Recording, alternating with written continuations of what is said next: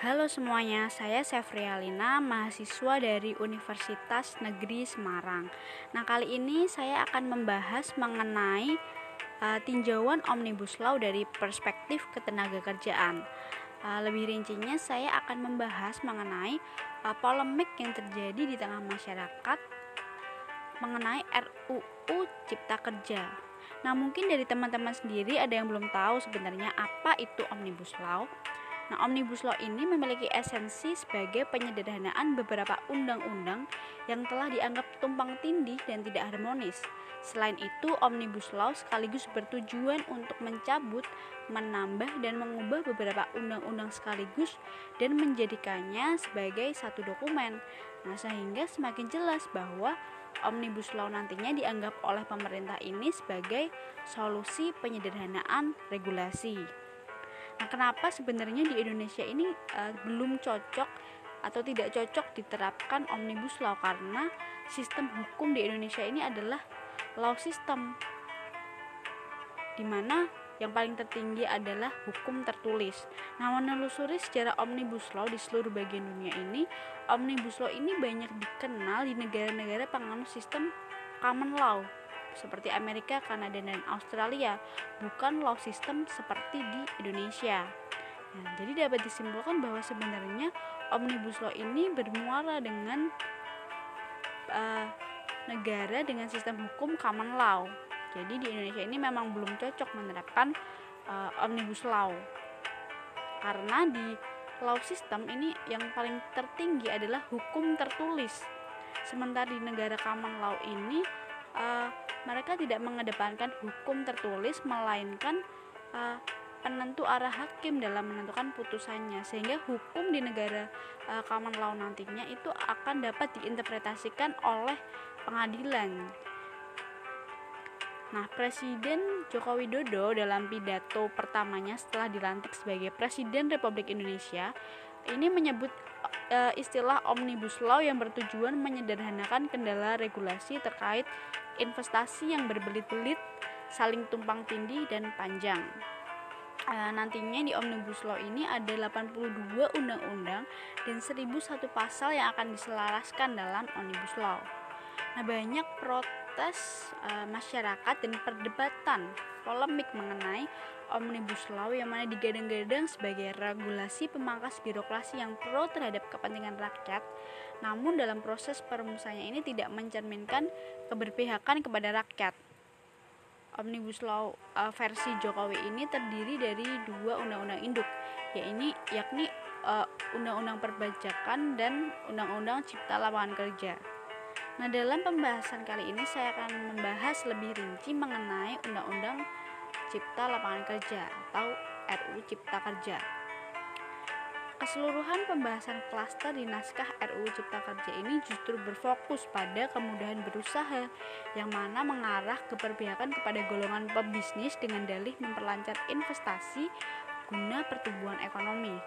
Hal ini dapat dijelaskan melalui teori fair and free trade yang pertama, pendekatan RUU Cipta Kerja ini lebih kepada mengejar keuntungan dengan cara memberi akses tanpa batas yang jelas untuk mendatangkan investasi sebesar-besarnya, yang mana menghilangkan poin perlindungan lokal dan juga menghilangkan poin tarif dan subsidi.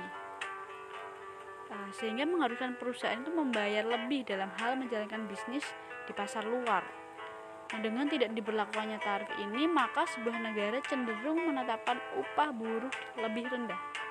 Jadi penekanannya di sini RUU Cipta Kerja ini nantinya akan dapat menetapkan upah buruh lebih rendah, sedangkan fair trade tadi lebih mendorong uh, perusahaan untuk mengatur perdagangan dan memastikan bahwa buruh mendapatkan kompensasi yang sesuai serta adanya jaminan lingkungan kerja yang aman. Nah, uh, dalam RUU Cipta Kerja ini lebih cenderung kepada free trade yang mana uh, bertentangan dengan asas kesejahteraan umum. Selain itu, mengadakan investasi tanpa melindungi masyarakat dalam hal ini buruh akan menimbulkan ketidakstabilan ekonomi, di mana ketimpangan dalam hal ketenaga kerjaan. Nah, perlu ditekankan bahwa menjadi negara dengan pertumbuhan ekonomi yang tinggi adalah hal yang amat sangat berbeda dengan menjadi negara dengan kesejahteraan masyarakat yang tinggi. Jadi penekanannya adalah ketika terjadi pertumbuhan ekonomi namun e, ketimpangan pendapatan masih tinggi, itu artinya pertumbuhan ekonomi ini hanya dapat dinikmati oleh sekelompok golongan saja. Nah, berikut saya akan paparkan beberapa pasal bermasalah dalam uh, eh, RUU Cipta Kerja. Ini ada beberapa pasal bermasalah dalam RUU Cipta Kerja. Disandur dari Undang-Undang Nomor 13 tahun 2003 tentang ketenaga kerjaan pasal bermasalah dalam Omnibus Law yang pertama ini mengenai pasal pekerja kontrak yaitu dihapusnya pasal 59 analisisnya adalah terkait uh, pekerja kontrak atau PKWT yang artinya tidak ada batasan kapan kontrak akan selesai. Hal tersebut membuat pelaku usaha terus-terusan memakai pegawai kontrak. Nah, ada kaitannya dengan job insecurity atau ketidakpastian kerja. Yang kedua mengenai pasal jam kerja yaitu ada perubahan pada pasal 77A. Analisisnya adalah berkaitan dengan tambahan jam kerja tergantung pada kebijakan perusahaan. Ini melanggar aturan terkait batasan maksimal jam kerja per minggu.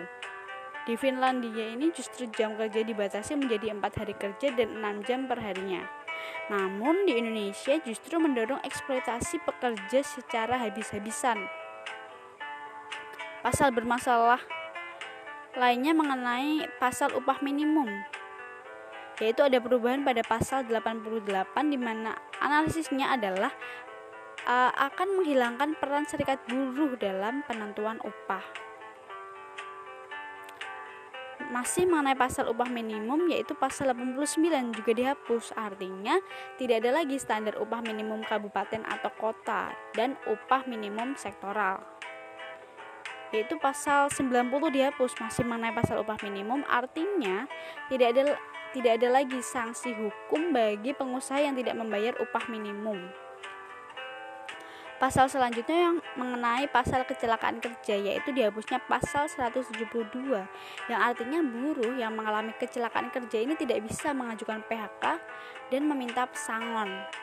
Nah, dari pasal-pasal bermasalah dalam Omnibus Law yang telah saya sampaikan, kontra dan kritik masyarakat sebenarnya ini ingin memperlihatkan bahwa ada hal sistematis soal kedaulatan ekonomi dan politik negara dan bangsa Indonesia yang rapuh akibat ketergantungan pada nalar pembangunan yang berlandaskan pada hutang investasi.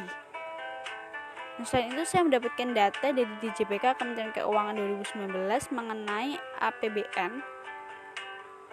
Di sini dijelaskan bahwa kontribusi perpajakan yaitu PPH, PBB dan PPN untuk APBN ini sebesar 810,75 triliun. Nah, kontribusi pendapatan negara bukan pajak dari sumber daya alam migas dan non migas untuk APBN ini hanya sebesar 190,8 triliun.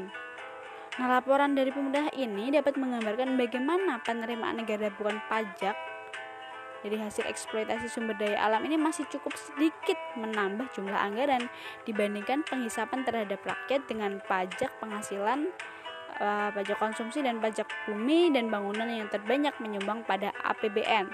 Namun di sisi lain pajak untuk perusahaan terus mengalami penurunan bahkan diberi insentif sampai 0% pajak bagi investor. Uh, programnya pemerintah saat ini adalah tax allowance, tax holiday, tax amnesty. Nah, bisa dilihat hubungan cukup erat dari perjalanan upaya memaksakan kepentingan investasi. Di atas kepentingan rakyat merupakan sebuah kenyataan bahwa kelas berpunya di sini adalah pemodal merupakan kolega dari pemerintahan yang menumbuhkan kelas tidak berpunya.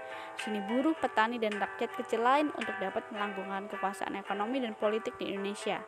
Nah, pada kenyataannya pembentukan Omnibus Law ini sebenarnya bukan datang dari usulan masyarakat, tetapi semata-mata datang dari arena elit yang menghendaki adanya satu regulasi khusus untuk lebih melindungi investasi modal mereka di Indonesia dan menyingkirkan segala hal yang menghambatnya buruh memang menjadi klaster tersendiri yang dibahas dalam Omnibus Law RUU Cipta Kerja. Karena dikhawatirkan liberalisasi pada sistem ketenaga kerjaan pada uh, perumusan Omnibus Law ini akan memberikan uh, hal-hal buruk seperti wajah PHK, upah murah, relokasi, fleksibilitas hubungan kerja, sistem permagangan akan menjadi penampakan lazim ke depan karena investasi ini membutuhkan iklim yang serba murah untuk mendapatkan keuntungan sebesar-besarnya. Omnibus Law adalah sebuah pertaruhan perjuangan kelas antara pemilik modal, para kapitalis, dan kaum buruh. Ini merupakan sebuah momentum pertaruhan kekuatan yang memiliki kepentingan segenap rakyat yang dipelopori oleh kaum buruh dan kepentingan penguasa yang mengabdi pada investor. Kepentingan rakyat jelas berbeda. Investor mencari keuntungan dengan menghisap sumber daya Indonesia, sedangkan rakyat berkepentingan menjaga dan memajukan kepentingan rakyat menuju kesejahteraan dengan jalan yang dapat dilalui, diikuti dan dikawal sendiri oleh rakyat. Nah, melalui kontra dan kritik ini, masyarakat sebenarnya ingin menekankan bahwa supaya perumusan Omnibus Law ini, khususnya RUU Cipta Kerja ini mencerminkan keberpihakan kepada rakyat jadi melalui polemik ini, kontra dan kritik ini, masyarakat ini sebenarnya ingin menekankan bahwa perumusan Omnibus Law uh, khususnya RU Cipta Kerja ini harus pro terhadap kepentingan rakyat.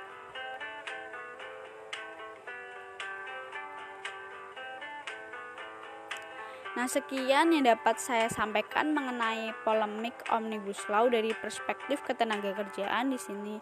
Uh, uh, eh, RUU Cipta Kerja. Uh, mohon maaf apabila uh, kurang dan ada kata-kata yang kurang berkenan.